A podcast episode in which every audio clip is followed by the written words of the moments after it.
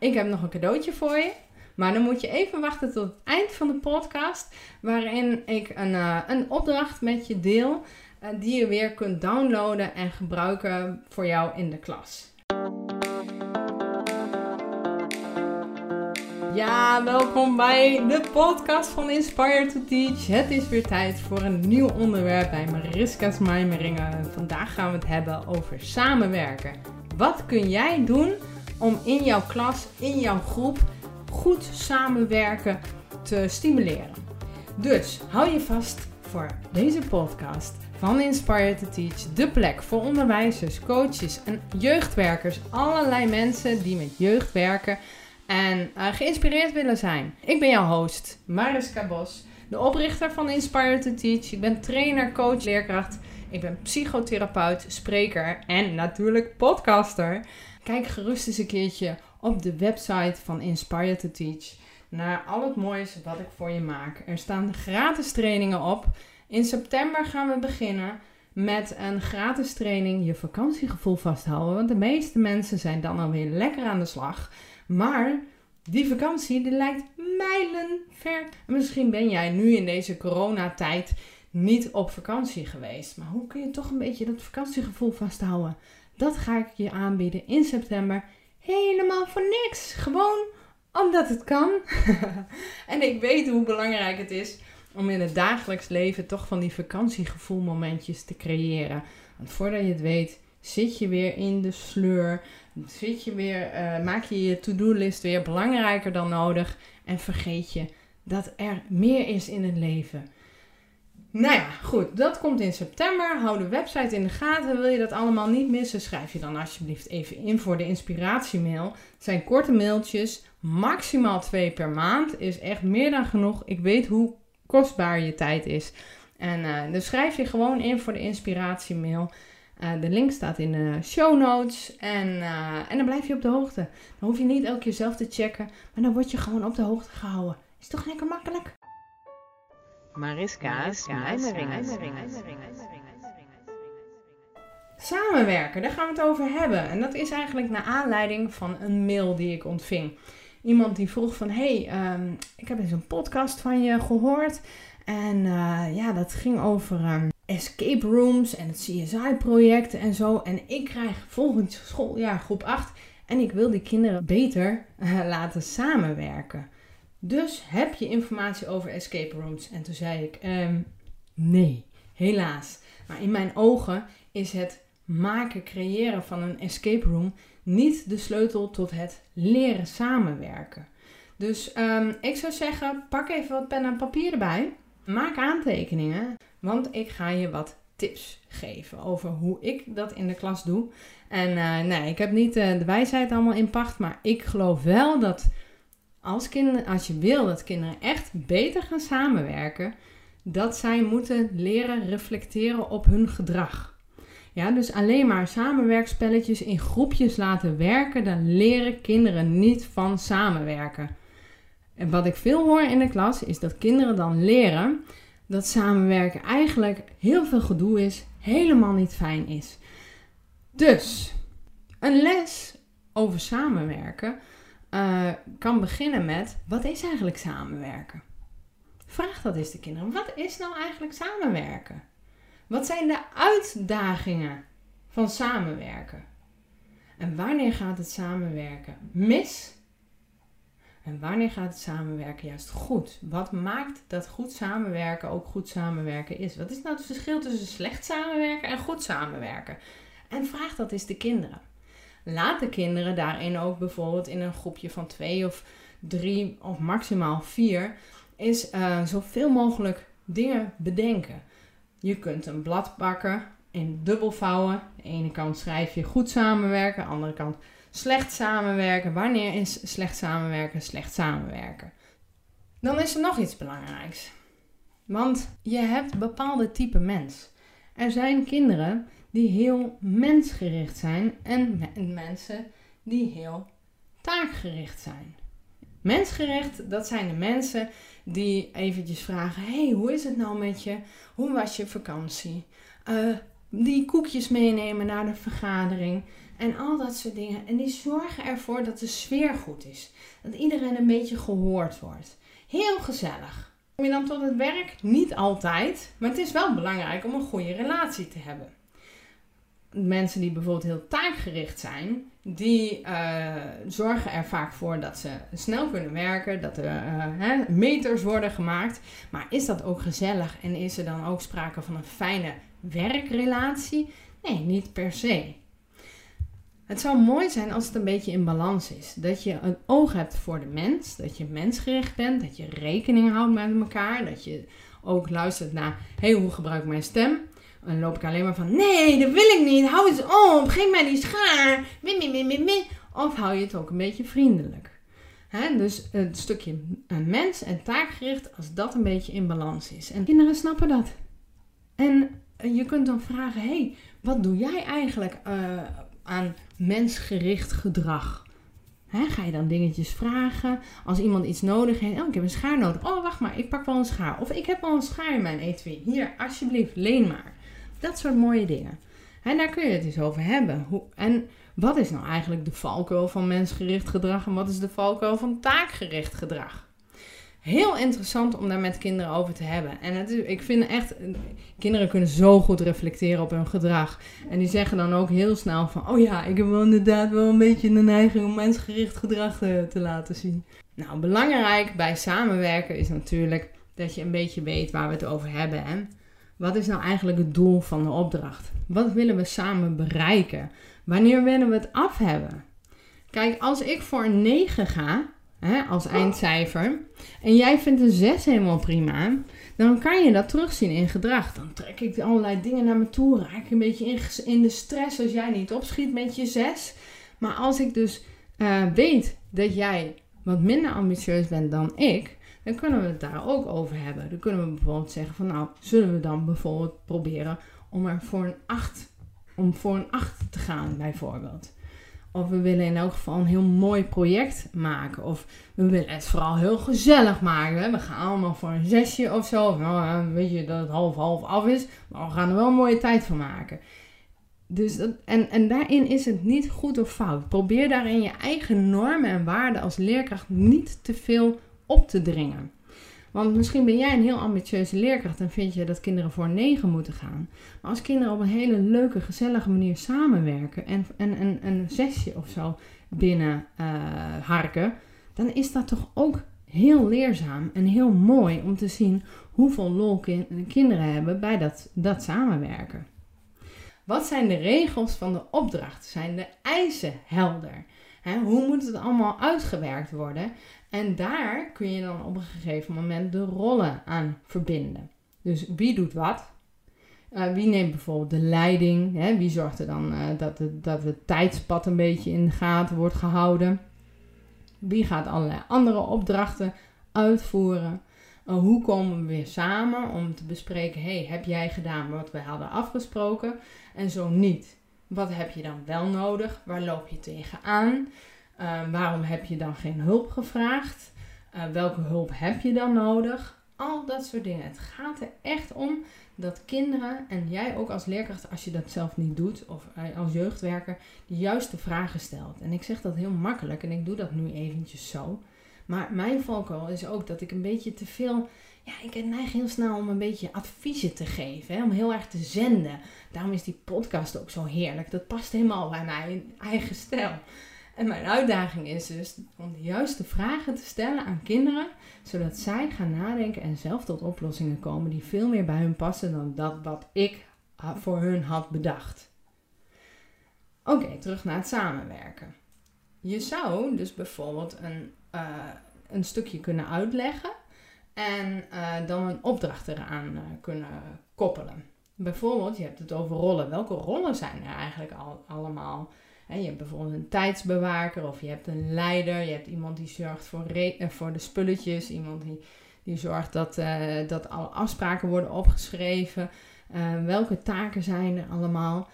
Um, en dan ga je bijvoorbeeld een, een, een opdracht geven. Nou, een heel irritante, maar zeer nuttige opdracht is als je naar de, um, een bouwmarkt gaat en je haalt daar een PVC-buis van een meter of drie.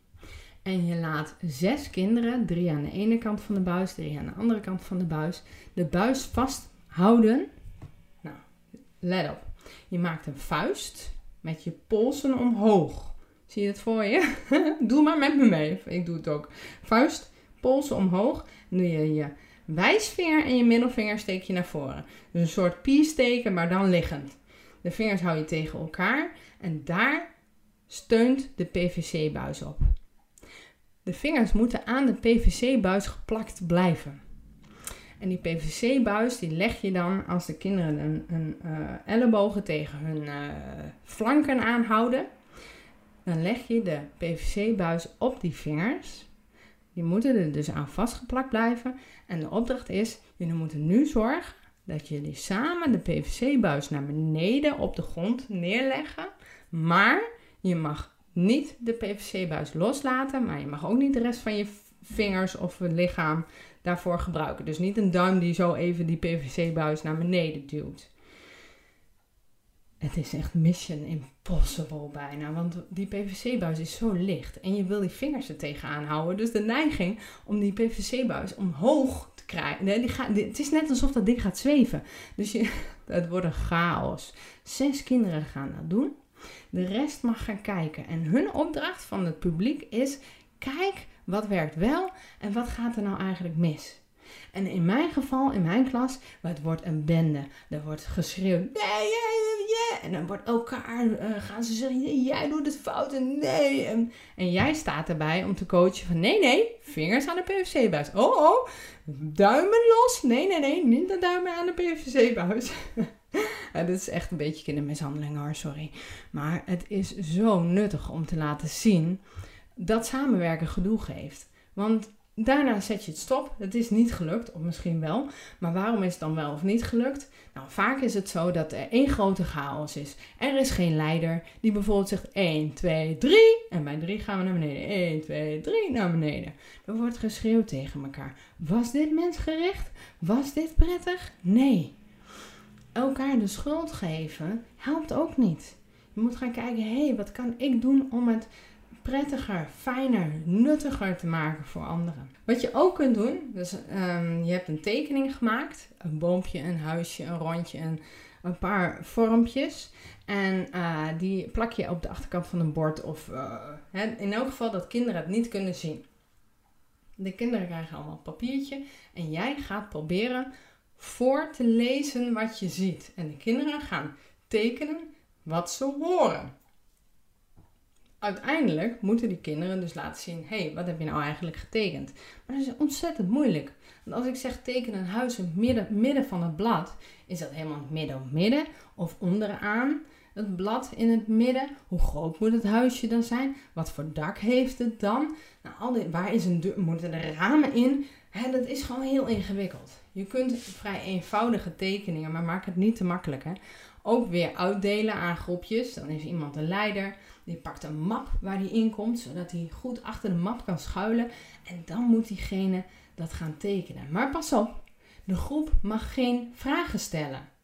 Ja, de groep mag dan niet vragen, ja, hoe groot moet het rondje dan? En waar moet dat rondje? Bedoel je links of rechts? Het idee achter die opdracht is dat we vaak wel denken van, oh, ik ben duidelijk, ik heb het goed uitgelegd, maar dat het eigenlijk helemaal niet zo duidelijk was. Je denkt wel dat het helder en makkelijk is. En ik zie elk jaar weer als ik deze opdracht doe, dat sommige kinderen zeggen: ja, jij legt het echt niet goed uit, laat mij dat maar doen. En dan is dat kind aan de, aan de beurt, die doet, die, die doet ook de opdracht en die komt er dus achter: yo, dit was dus echt moeilijker dan ik dacht als je de tekening zelf kent, dan is het niet zo moeilijk om het uit te leggen. Maar als je het niet kent, begrijp dan maar eens wat die ander echt bedoelt. Dus een ontzettend nuttige, leuke, inspirerende opdracht om dat bijvoorbeeld uh, ja, ook bij deze samenwerkles te doen. Het gaat er dus eigenlijk elke keer om dat je een je legt iets uit bijvoorbeeld, je geeft een opdracht en dan ga je reflecteren op het gedrag. Hoe vond je dit? Waar liep je tegenaan? Wat werkte wel? Wat werkte niet? Wat zou je de volgende keer anders doen? Je kunt het ook omdraaien. Je kunt ook eerst een opdracht doen met de kinderen, dan reflecteren en dan pas uitleggen van hé, hey, hoe zit dat nou eigenlijk? Waarom is dat dus lastig? Dus dit zijn allerlei zaken die je kunt doen om uh, samen te werken. Uh, wat mij betreft heel nuttig, maar kijk uh, zelf ook eens of je samenwerkspelletjes in de klas hebt.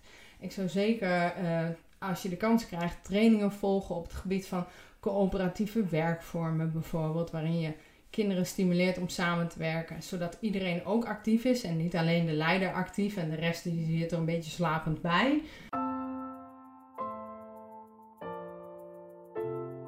Ja, en dan zijn we nu aangekomen bij het beloofde cadeautje, het grote Noordpoolspel. Nou, het is eigenlijk niet echt een spel, het is een oefening om het samenwerken te stimuleren.